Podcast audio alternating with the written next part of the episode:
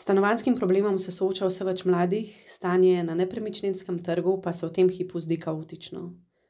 Mlade generacije bistveno težje dostopajo do stanovanj, kot so generacije pred njimi, saj se spopadajo z visokimi cenami, lastniki pa jim postavljajo vse ostrejše pogoje za najem.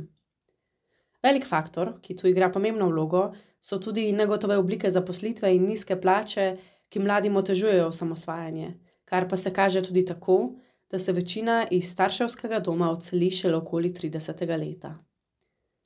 Tokrat sem na pogovor povabila Klemena Ploštajnerja, doktorskega študenta na fakulteti za družbene vede, ki se ukvarja z vprašanjem urbanega razvoja in stanovansko problematiko, ter dekleta iz umetniškega kolektiva Kvadratni meter. Ta kolektiv spada pod mrežo za prostor, ki se z raznimi lokalnimi pobudami in civilnimi inicijativami aktivno prizadeva za trajnostno in vključujoče urejanje prostora. Preden začnemo, pa samo še eno opozorilo. Zaradi trenutne situacije s COVID-19 smo tokratni podcast snimali preko Zuma. In čeprav smo se zelo potrudili pri urejanju, je zvočna kvaliteta še vedno malce slabša. Hvala za razumevanje. Lepo zdrav in hvala, ker ste se odločili za sodelovanje v podkastu. Pa bi kar začela s kolektivom Kvadratni meter. In sicer na muzejski ploščadi Metelkova ste postavili instalacijo poimenovano Spomenik stanovanski krizi. Odprtje so spremljali tudi performance, razpravo o tem, kako v prihodnje uspešneje reševati stanovansko problematiko, in premjera filma, ki bomo pa jutri spali. Nam lahko ena od vas, prosim, opiše, kako ste prišli na idejo postavitve tega spomenika? Um, ja, v bistvu nas so um, pozvali, um, da bi se prijavili na en razpis, oziroma en, um, kak, je bilo neko tekmovanje, uh, kjer so ponujali um, določen znesek za um, projekte, ki se ukvarjajo z ekološko in bivansko problematiko, in so nas k temu pozvali um, inštitut, kako se jim reče, Urša. Uh, IŠSP, Inštitut za uh, študije stanovanj in prostora. Stanovanj in prostora. Um, in v bistvu smo potem uh, razmišljali, kako združiti to in kako narediti projekt, um, ker mi se večinoma ukvarjamo s stanovansko problematiko in smo hoteli pač to predstaviti v, v tej obliki spomenika, ampak hkrati tudi biti um, ekološke, pa hkrati eh, poudarjati tudi ne vem, nek, um, ne uporabljati nekih materijalov, ki niso pač primerni. Uh, ampak ja, predvsem je bilo pa to pač v bistvu um, poudarek na bivanskih težavah um, vseh nas in nasploh pač uh, v Sloveniji in v Evropi. Um, in potem smo pač uh, v bistvu so nas zbrali in smo začeli delati, in smo, mislim, da v dveh tednih uh, zgradili pač ta spomenik, um, ki predstavlja v bistvu imitira neke vrste nek blok. Um, no, smo imeli performance. Um, v, vsaka je bila v svojem prostorčku, ki je v velikosti en kvadratni meter, in smo v bistvu hoteli opozarjati na to, kako je v današnjem času težko um, obstajati oziroma pač bivati v določenem prostoru, kako se v bistvu vedno bolj krči um, neka ta. Um, Površi, prostornina, v kateri bivamo, ker nimamo sredstev, da bi si um, zagotovili um, večje prostore. Uh, v bistvu se s tem že ukvarjamo um, iz enega projekta v drugega, ker tudi v prejšnjem projektu smo imeli um, v najemnini plus stroški, smo imeli pa um, prostor, ki se zmanjšuje, vedno bolj. Um, tako da v bistvu je to kar ena um, ponavljajoča se tema pri nas, stiska, prostorska stiska. Um, ja. Čisto na hitro pa bi za vse poslušalce, ki morda niso imeli priložnosti videti tega spomenika, opisala, kako izgleda. Predstavljajte si konstrukt v obliki betonskega bloka, ki ga tvori šest kvadratnih odprtin, torej dve na dve na dve, in vsaka odprtina ima dimenzijo po en meter. Pa mi lahko samo ena od vas, prosim, pove, kako je potekala sama gradnja te instalacije. Ja, to je bilo kar zanimivo, um, ker v bistvu nismo imeli izkušnje z tako, tako masivno gradnjo prej. Tako da smo v bistvu sodelovali z enim lesnim inženirjem, ki nam je pomagal pač, um, priti do načrta, pa pač količine materijala. Uh, in potem smo v bistvu po njegovih navodilih tako izvedeli, kot kar nek IKEA, um, neko IKEA navodilo, ampak ful bolj zakomplicirano. in pa smo v bistvu same v desetih dneh um, sestavljali na kraterju. Um, imeli smo full time pressure, Klara si roko zlomila, um, vsak dan smo delali po 12 ur na vročini, ker pa če nimaš izkušenj, gre vse full bolj počasi, ker ne veš m, veliko stvari. Um, tako da ja, je bilo kar zanimivo. In potem v bistvu smo sestavljali po kosih, nismo, um, nismo v enem kosu, pač sestavljali na, na kraterju. Potem smo s kombijem odpeljali to na muzejsko ploščad, kjer smo pol to sestavili v, um, na tleh, na, uh, v, pač, v ta objekt, in potem smo ga mogli dvigati. In to je bila težava, um, ker velika, ker nismo imeli dovolj ljudi. Uh, pa tudi nismo imeli uh, neke fancy, uh, fancy, nekih fancy strojev, ki bi nam lahko pomagali pri tem. Um, Ja, zato, ker na muzejski ploščadi je omejitev, uh, kako gre lahko teže, sploh kako težek um, tovrnjak ali pa stroj gre lahko um, gor, uh, ker je pač to garaža v bistvu spodaj ali pa um, kleh, ne vem točen.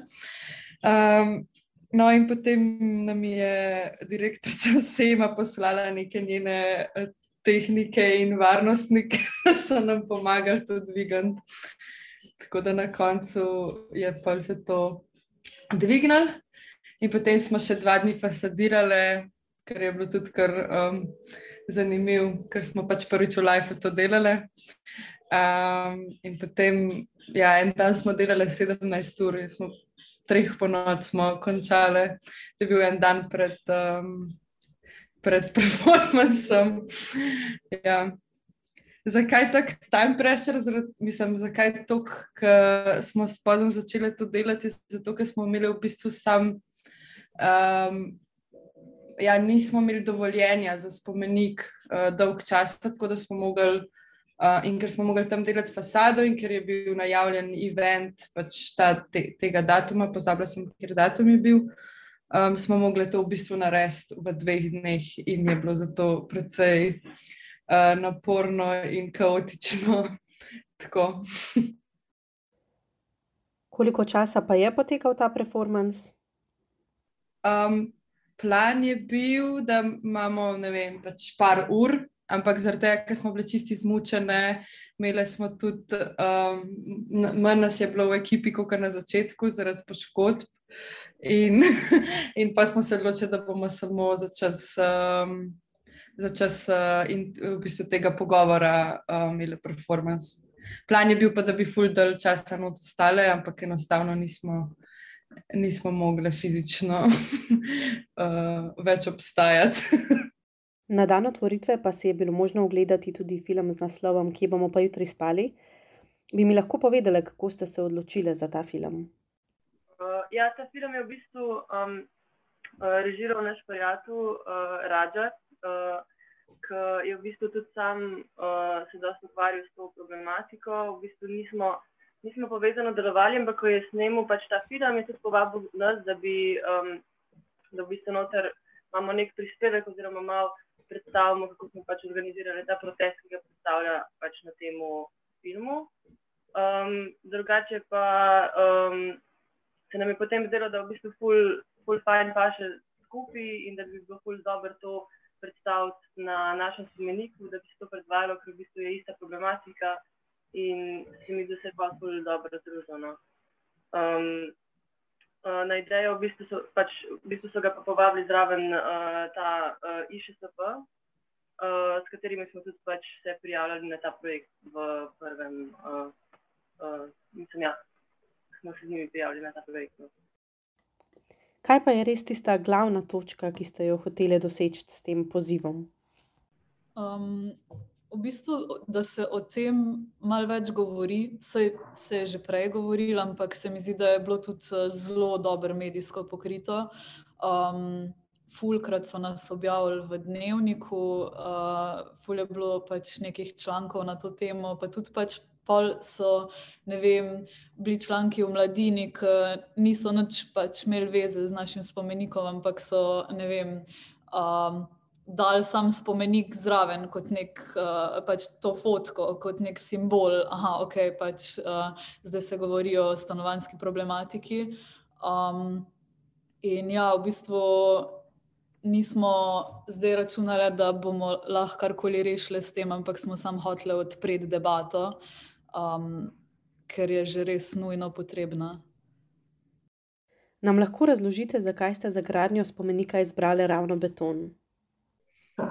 Ja, to, to ni beton, zgleda, zgleda kot beton. To je bil v bistvu um, uh, tudi cilj, da, da ne delamo z betona, ker je zelo neekološki in zelo tudi zahteven za gradnjo in stane veliko Um, tako da smo potem iz lesa naredili konstrukcijo, in potem smo uh, s fasado pofejkali, uh, ponaredili pač izgled betona.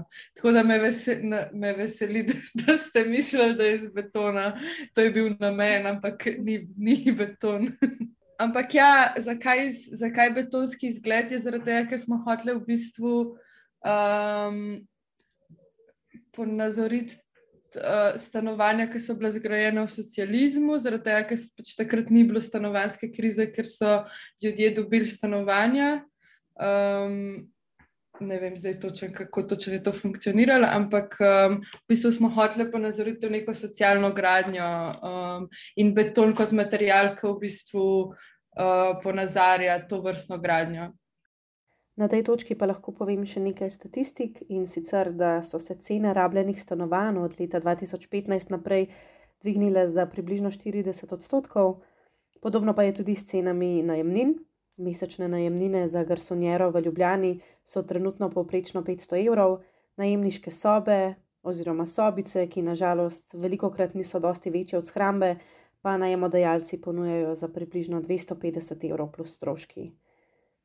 Kaj se vam zdi glavni razlog za nastalo situacijo? Torej, zakaj so še posebej v zadnjem času cene poskočile v nebo?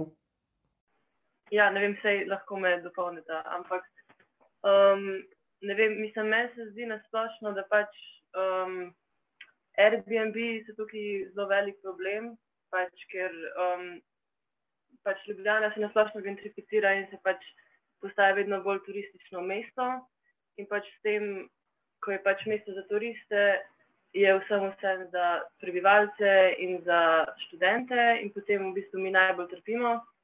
Um, ne vem, s tem, recimo, ko imamo toliko Airbnb-ov, ki imajo pač tudi neko omejeno, um, omejen čas, koliko časa lahko nekdo notri prebiva. Ne? Uh, v Airbnb-u, ne vem, mi zdaj 100 dni.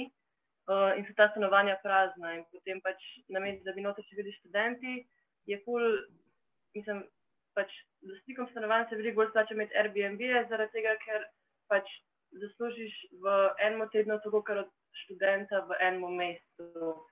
In je v bistvu to, mislim, mislim, da je to eden izmed glavnih problemov. Mislim, tudi to je problem, da ni nobene regulacije, da, da pač lahko v bistvu daješ v najem pač praktično karkoli. Um, uh, je vem, na Instagramu ta domozlom, recimo, ali pa pač neke take strani, kjer krožijo. Porazna stanovanja, kjer imaš vem, uh, pod kuhinjskim pultom vece školko, recimo, ali pa neke take stvari.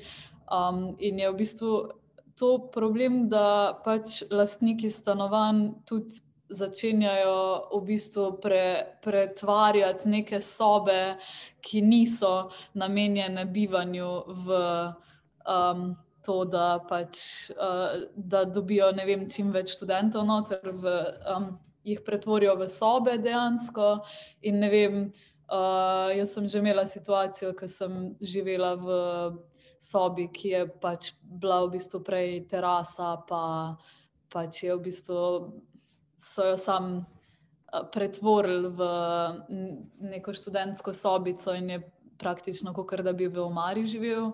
Um, tako da, ja, v bistvu je vedno več tega, da pač neke špajze ratujejo v bistvu študentski, študentske sobe, pa nasplošno mislim tudi pač bi mogle biti neke strožje regulacije, pač kaj se prodaja, kakšni so bivalni pogoji, pa tudi še posebej, kam rastejo cene.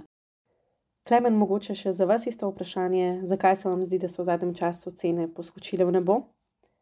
Um, mislim, da ste že uh, te pa Klara v bistvu opisali mehanizme, ki so ključni in glavni je ta najbolj obče splošno rečeno, da so stanovanja Sloveniji od 90-ih, druge pa tudi že prej postala predvsem kot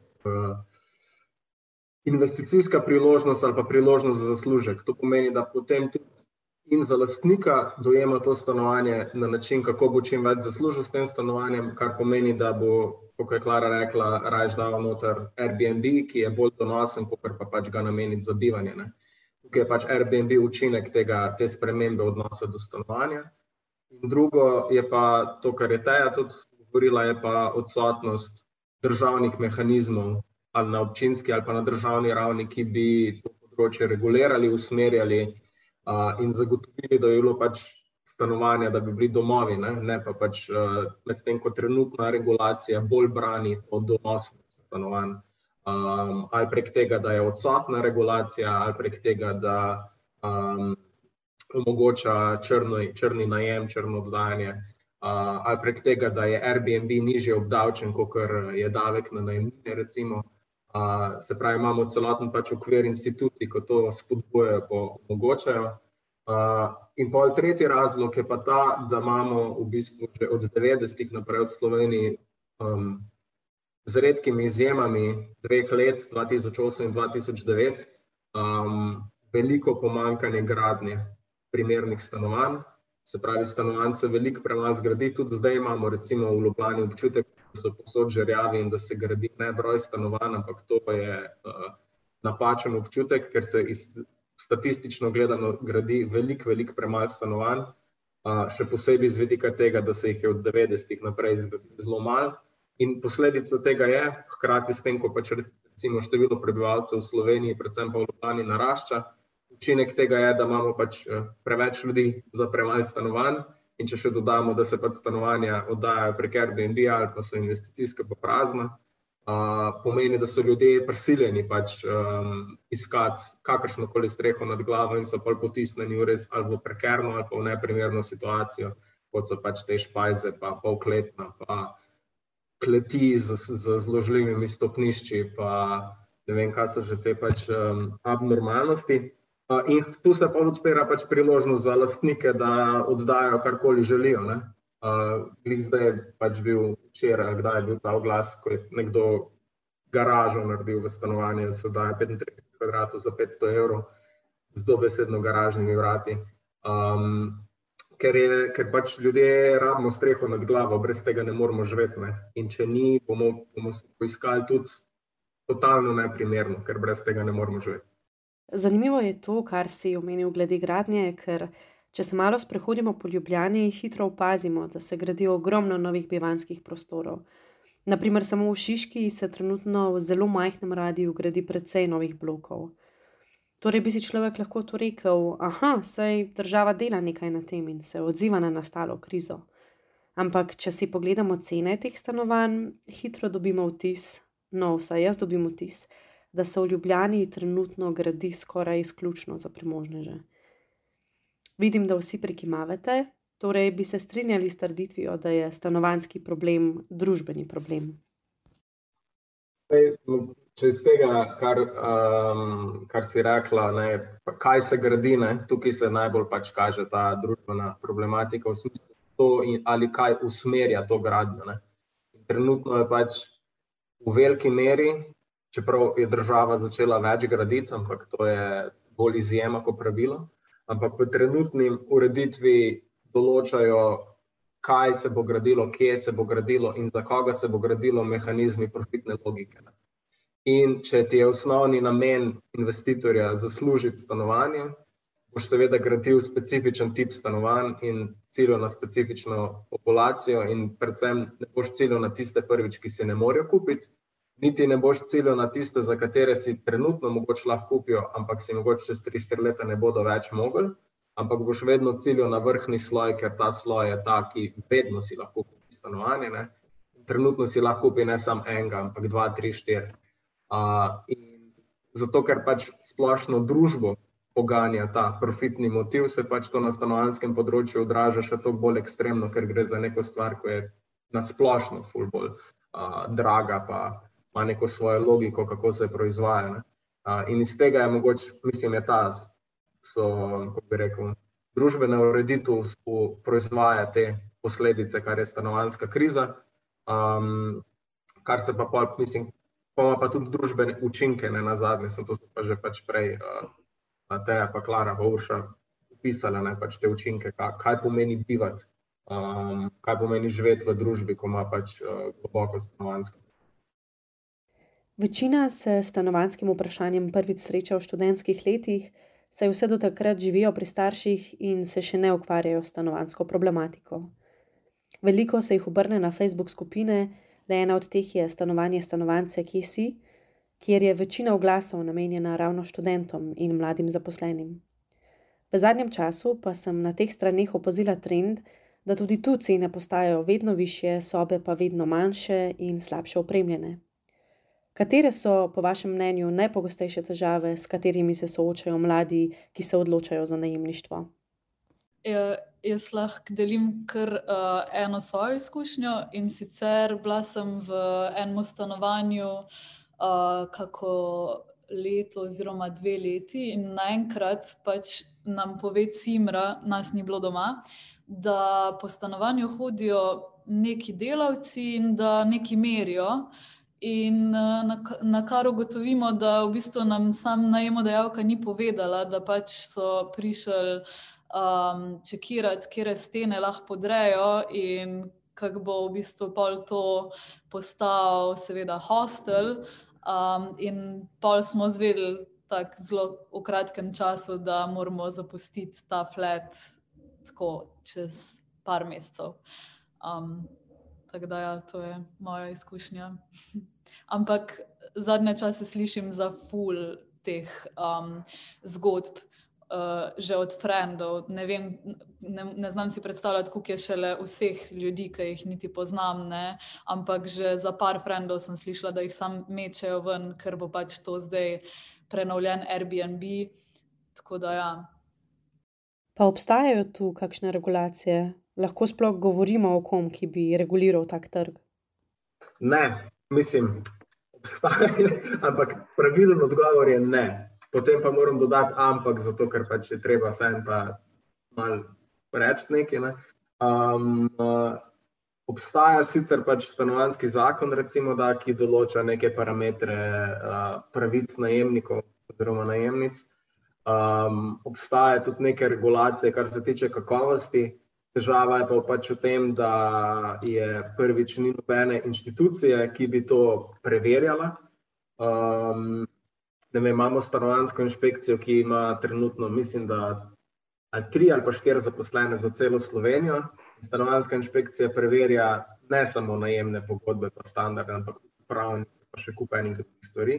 Um, jaz jim pišem že pol leta, pa se še enkrat mi niso odzvali, to verjetno pomeni, da pač ta agencija ne deluje. Ne.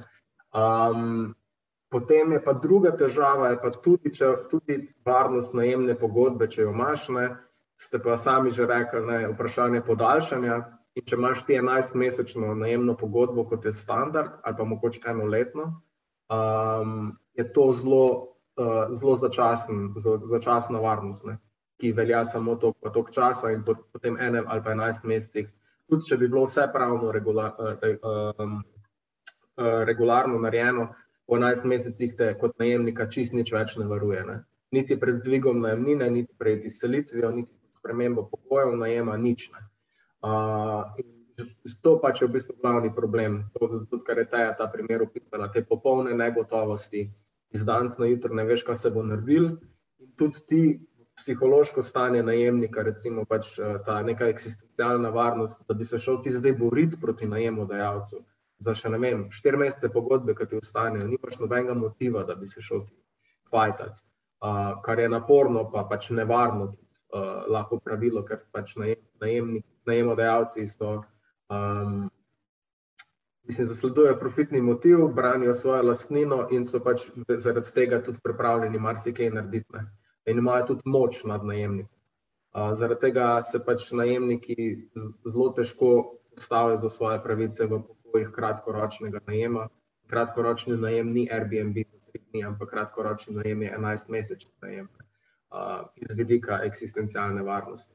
Um, da, um, kar se tiče pa regulacije cen, to pa, to pa sploh ne obstaja. Uh, in z tega vidika smo, ne vem, pač sam vedno začudeni. Pač New York ima bolj reguliran najemni trg, kot pač Ljubljana. Um, Karkoli si že pač mislimo v Ameriki, funkcionira, ne? ali pa New York na tem področju smo na slabšem, kar se tiče urejanja razmeri. Pozna kdo od vas kakšno spletno stran ali mladinsko organizacijo, na katero se mladi lahko obrnejo po pomoč? Mislim, za, za iskati stanovanje, to pač poznamo, te običajne strani. Pač, mogoče za bolj varen najem, pa zavedanje pravice, projekt, katerega del sem jaz trenutno, je, je najemniški SOS, spletna stran, na kateri so opisane neke osnovne pravice, ki jih imajo najemniki, uh, kako pač, kakšne postopke lahko sprožajo čisti iz pravnega vidika, na katere naslove se lahko obrnejo z vidika pravne varnosti, zelo blano to govorim. Um, je pa tudi, da se zbirajo zgodbe uh, najemnikov, um, ki so pač podobne temu, kar je Teja opisala. Uh, nekatere je, je bila še teja v zelo dobri situaciji, v primerjavi z zgodbami, ki jih tam uh, dobivamo. Ampak glavni v bistvu tam, uh, glavna ideja strani je, da, je, da pač se kot najemniki, tako isto kot delavec v tovarni, se najemnik mora izobraziti v svojih pravicah in zagovarjati. Um, ker brez tega je pač podvržen popolni nemilosti uh, lastnika, uh, kjer si lahko zmisli karkoli si hoče. Ne tukaj pa pač imaš vsaj pravne argumente ali pa neko pravno podlago, uh, da, da se mu zaprstaviš in se pač boriš uh, za, za svoje pravice. Je kdo od vas opazil, da so ogromne razlike v stanovanjskih razmerah med korono postale še bolj vidne, oziroma so se celo poslabšale? Mislim, težko je oceniti zdaj, ali, ali je razlog pač rast cen, pa rast najemnin, ki so se dogajale hkrati s korono, ali pač korona. Ne? Ampak definitivno je vsako leto bivanje v Ljubljani, pa ne samo v Ljubljani, na splošno, pač tudi Evropsko, pa Amerika, recimo, ali pa mogoče širše, je vsako leto pač teže. Uh, in vsako leto so pogoji slabši. Kar je korona pač vnesla, je to, da je, da je izpostavila hkrati veliko bolj pomen stanovanja kot področja ravno te varnosti bivanja, uh, ker je pač posod govorimo o tej karanteni, pa samo izolaciji, pa samo izoliri se na domu. Na, na, na. Če, nima, če si pač najemnik, ali če si brez doma, sploh ne, pač ne pride upoštevne. Ampak če si najemnik, je že, že tako tvoje bivanje v veliki meri ne počutiš se varnega, Potem pa še nekdo reče, da se pa pač s tem, ker, ne, ker se ne počutiš varnega, zavaruj pred neko boleznijo, je, pa, je malo absurdno. Uh, in se vidi tukaj, da pač, uh, se totalno zgreši pomen teh stanovanj. Um, po drugi strani, se pravi, pač se je okrepila ta, ta pomen varnosti, po drugi strani se pa hkrati okrepil tudi uh, služenje stanovanj, zaradi tega, ker so pač korona dobičkari se napolno ukrepili neenakosti so se povečale in stanovanja so postala bolj zanimiva investicijska, investicijska priložnost, recimo, da se, se v bistvu te napetosti še bolj ukrepile. Tako da je unesla ja, korona neko svojo dinamiko in v tujini se že v bistvu kaže, tudi v Sloveniji malo, ampak predvsem v Ameriki, Angliji, Nemčija je tak primer, da je stanovanski aktivizem neki v spredje močno prihaja, ravno zaradi tega, ker so se te napetosti pokrepile, ker je jasno, pač, da za nekatere je stanovanje pogoj življenja, ne? tako zelo, zelo, zelo konkretno pogoj življenja in preživetja. za druge je pa priložnost investicij in te dve stvari ne greta skupaj. Uh, in zaradi tega se bo je za pričakovati pri nas, pa druge, ker so razmere mogoče bolj ekstremne, da bo to sprožil pač uh, predvsej neki, nek predvsej politične aktivnosti na področju stanovanj. Uh, mislim, vidimo že v Angliji, sindikati se krepijo v Ameriki, uh, najemniške stavke, v Nemčiji referendum proti, za pač, uh, razlastitev velikih lastnikov. No, super, da zaključimo na pozitivno noto. Mogoče samo še za zadnje vprašanje, kako vidite, da se bo v prihodnosti obravnavalo stanovansko problematiko? Um, jaz sem fulj pesimistična glede tega. Um, tako da v bistvu ne vem, pač kolektivno se preselimo nekam drugam ali kaj. Jaz sem drugače živela v Franciji nekaj let in um, pač sem ugotovila na neki točki, ko sem se preselila nazaj v Ljubljano, glede na standard bivanja v Franciji, pa glede na to, da imajo oni v bistvu neke vrste pomoč za um, kogarkoli, ne samo pač te študentske pomoči, ampak za kogarkoli, ki pač ne zasluži dovolj. Um, in ima najemnino, uh, ti dajo nek določen, krijejo ti določeno, uh, določen znesek, ne vem, recimo, pač, uh, če imaš ti najemnine 600 evrov, ti, um, če nimaš dost keša, oni krijejo recimo 200 na mesec. Um, in tudi glede standarda, pa to in pa sem ugotovila, da v bistvu. Um, Je, če ne bom mogla preživeti v Ljubljani, bom mogla pač se preseliti v Pariz, kar je najbolj absurdna stvar za reči. Kdo bi si mislil, da boš pač v Parizu lažje preživel kot tu. Ampak, eh, ja, mislim, po vseh kalkulacijah um, življenjskega standarda in višin najemnin, trenutno um, je dejansko pač to res um, zelo velik struggle. Pa pač, ne vem, če ne bomo um, začeli kontrolirati tega, se mi ne zdi, da bo pač dejansko ta mehurček enkrat počel. Mislim, nisem strokovnjakinja, ampak pač deluje mi, kot da bo sam pač rasel. Ker jaz sem drugače tudi um, bila na začetku korone tako ok, uh, zdaj ne bo turistov v Ljubljani, uh, vsi, ki so zgradili te hostle, pa Airbnb, bojo pač res obupani in najemnine bojo padle. Uh, to je to je bil moj um, optimistična misel, uh, in na koncu smo ugotovili, da pač je sam še šlo bolj na gor. Uh, tako da ja, ne upam več predvidevati več. Ima še kdo kaj zapovedati, naprimer, kakšno dobro prakso? Mislim, jaz jih vem, sami stojine, pri nas tako je še vse v nekih zavojčkih. Meni so zanimive stanovanske zadruge. Sicer ne razumem čisto dobro, kako to funkcionira, ampak mislim, da bi to lahko um, bilo, bila ena od rešitev. Potem bi se pa na tej točki rada zahvalila Teji, Urši, Klari in Klemenu za pogovor in tebi, poslušalec, ker si z nami ustrajal do konca. Hvala vsem.